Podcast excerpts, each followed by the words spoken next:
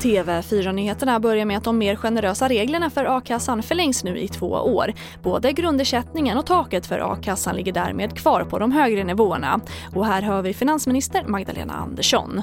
Vi underlättar ju medlemsvillkoret men det är också för att fler som tidigare inte har kunnat få a-kassa kan få det. Och det beror på att nu man inte behövt jobba lika många timmar under en vecka eller en månad för att få a-kassa. Och människorättsorganisationen Amnesty International pekar ut det svenska teknologiföretaget Axis Communication för att hjälpa kinesiska myndigheter med övervakning. Det handlar bland annat om teknik för ansiktsigenkänning och nätverksbaserad statsövervakning. Amnesty hävdar dessutom att ett franskt och ett nederländskt företag i samma bransch levererar övervakningsutrustning till Kina.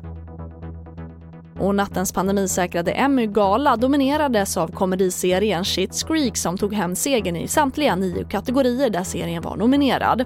Priser gick även till dramaserien Succession som handlar om maktkampen i en miljardärsfamilj. Och det var TV4 Nyheterna. Jag heter Charlotte Hemgren.